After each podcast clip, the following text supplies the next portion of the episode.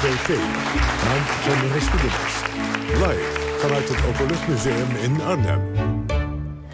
Tijdens deze maand van de geschiedenis vindt zoals gezegd ook het Erfgoedfestival plaats. En dat festival houdt wel van een experiment, want ze koppelde cabaretier Katinka Polderman aan de vroegmodern letterkundige Sophie Reinders.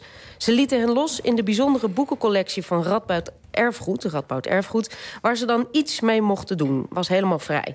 Ze kwamen uiteindelijk met een doeboek voor volwassenen met puzzels, trekpoppen, kleurplaten en verhaaltjes.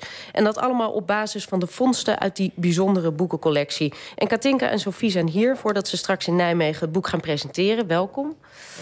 Um, ja, jullie zijn een creatief koppel geworden voor even. Waren jullie een match? Ja, zeker. Ja. We waren een soort fatale match. Want uh, iedereen uh, zou zeggen van... nou, een heel boek maken in twee maanden, dat gaan we niet doen. Maar in plaats van dat een van de twee elkaar uh, de andere afremde... werd het alsmaar erger. Ehm, ja, wij zaten s'nachts nog te appen uit welke editie een bepaald stukje informatie of een afbeelding kwam. Dus ja, we waren wel een match... Ja? Zeker.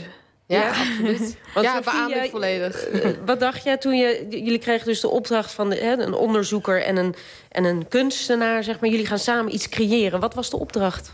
Ja, die, die was er eigenlijk niet. Ja, oh, maak iets. lekker op. Ja, ja, nee, maar die was helemaal vrij. En ik vond het uh, in die zin... Ik had er ontzettend veel zin in. Ik kende Katinka's werk. Ik wist dat wordt sowieso iets leuks. Maar ik vond het ook wel spannend. Want ik kom van een hele andere achtergrond. En ik denk, ja, Katinka kan natuurlijk een fantastisch inspirerend lied... over die collectie schrijven. En dan sta ik daar achter met een triangel of een powerpoint of nou ja, iets. Uh... dus ik ben uh, ja, iets lulligs. En ik ben heel blij dat we het helemaal iets gevonden hebben wat we helemaal samen hebben gemaakt. En het was echt een feest. Kunnen jullie even heel kort en krachtig uitleggen wat, wat, wat we ons voor moeten stellen bij een doeboek? Het, het, klinkt een beetje of het voor, voor, voor kleine kinderen is, maar het is kennelijk ook voor volwassenen. Waar, waar moeten we aan denken?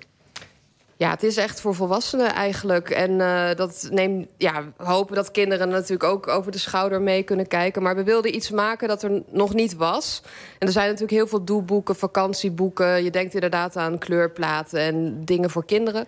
Maar wij wilden uh, ja, de mensen eigenlijk aan het, aan het werk zetten met erfgoed. Um, en op basis van erfgoedmateriaal. En dan kom je ja, op een hele brede thematiek. Uh, en je moet ook echt wel uh, goed je hersens gebruiken voor sommige puzzels. Maar je kunt ook lekker ontspannen. Ja, want er staan. Uh, het, is, het is ook echt voor volwassenen. Hè? Dus er staan kruiswoordraadsels in met, met middeleeuwse lettertjes en middeleeuwse woorden.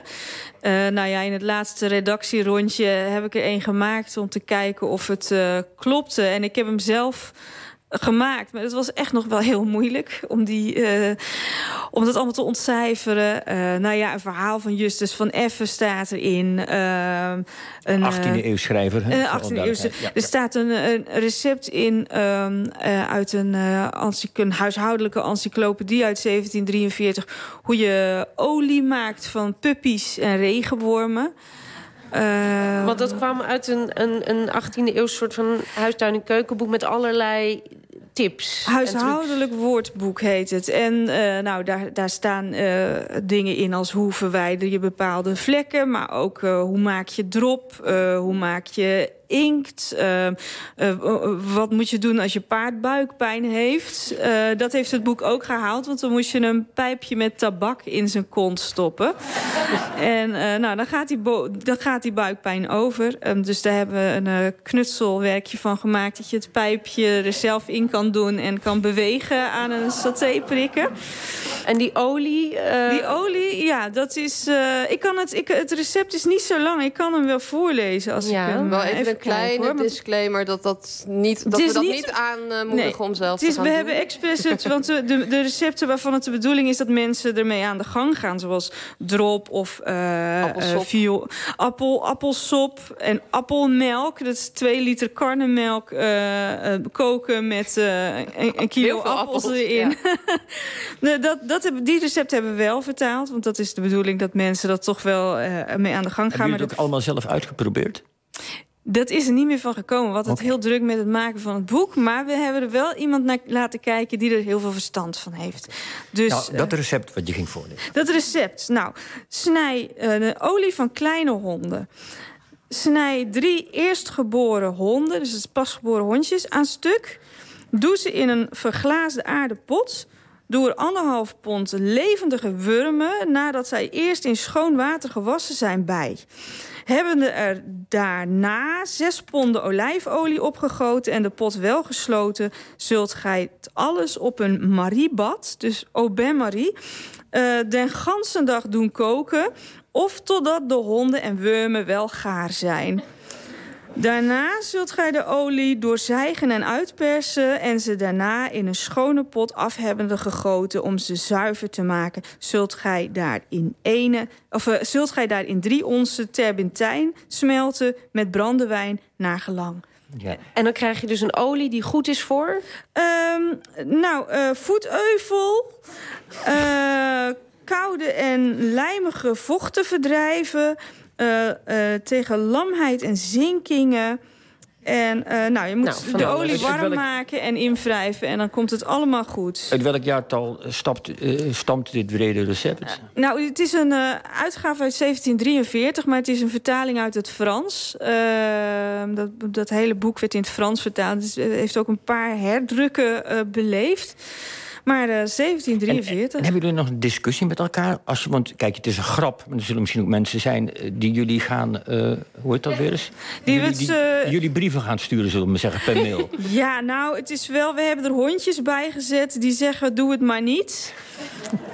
Dat plaatjes van hondjes ja. uit weer een, een boek over uh, hertogen. hertogen. En um, nou, er zijn ook dingen die het boek niet hebben gehaald. Ik wilde ontzettend graag het recept voor buskruid erin zetten... maar dat mocht niet van de uitgever. Hey Sophie, dit is dus, jullie werden de bijzondere boekencollectie uh, ingestuurd. Uh, kende jij die collectie goed als, als Nederlands letterkundige? En wat is er allemaal te vinden? Uh, ik kende de collectie een beetje. Ik ben in Nijmegen gepromoveerd, dus ik kwam er uiteraard uh, af en toe. Alleen mijn grootste deel van mijn bronnen lag daar toevallig niet. Uh, maar ik nam wel altijd studenten ook mee om in zo'n oud boek te voelen, te bekijken. Want heel veel is gedigitaliseerd, dus je kunt ook thuis door die collectie bladeren. Maar Um, het is toch heel anders als je zo'n boek in handen hebt. Uh, hoe groot is het? Hoe zwaar is het? Waar lag dat bij mensen? Um, en ik wist wel een beetje wat er zo al was. Maar ook ik was helemaal verbijsterd over die rijen en rijen in dat depot... waar wij ja, als kinderen in een snoepwinkel mochten rondlopen... en alles nou ja, bekijken, pakken, openslaan... Um, ja, en wat ligt er allemaal? Ja, echt van alles. Er zijn uh, heel wat kloostercollecties ondergebracht uh, bij de Radboud Universiteit. Dus uh, ook hele rijen met, met misboeken en gebedenboeken en dat soort. Uh, en die hebben jullie niet gebruikt? Um, ik denk dat één afbeelding uit. De lettertjes voor het kruiswoordraadsel. Ja, dat is waar. Ja. ja, we hebben geprobeerd de collectie in brede zin in beeld te brengen... maar we hebben al plannen voor doeboek 2, 3, 4 tot en met uh, ja. maar, maar, 73. Wij kwamen ook iets tegen over neuzen. En, ja. en karakterologie. Wie van jullie wil daar iets over vertellen? Nou, dat is, dat is, dat is jouw afdeling volgens mij. Die nou, ja. uh... ja, zo sta ik ook in het leven. Nee, uh, ja, de fysionomie, dat is uh, ja, de gelaatskunde eigenlijk. Om te kijken, nou ja, wat is een beetje een betrouwbare neus? Hoe moeten je ogen staan? En we hebben een prachtig boek in de collectie. Daar staat uh, nou ja, afbeeldingen van allerhande ogen, neuzen en oren. En dan staat bij de een, dit moet van een uh, gek zijn. En dit is echt een briljante geest. Nou, die hebben we uitgeknipt uh, als hulp bij het tinderen.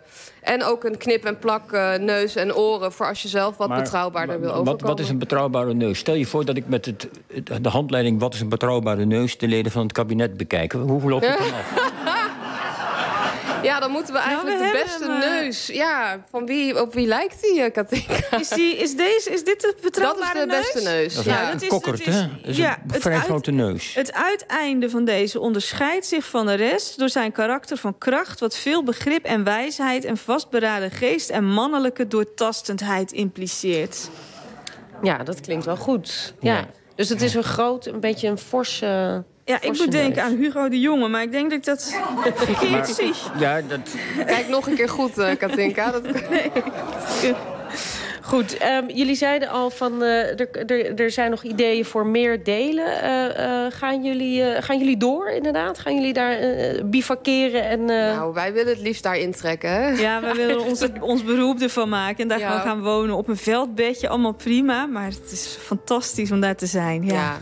Goed, hartelijk dank Sophie Reinders en Katinka Polderman. Jullie boek is vanaf 16 oktober verkrijgbaar in de boekwinkels... en nu alvast te bestellen. Uh, jullie gaan nu snel naar de presentatie op het Erfgoedfestival in Nijmegen. Heel veel plezier en succes. En dit was het eerste uur van OVT vanuit het Openluchtmuseum in Arnhem. Straks in het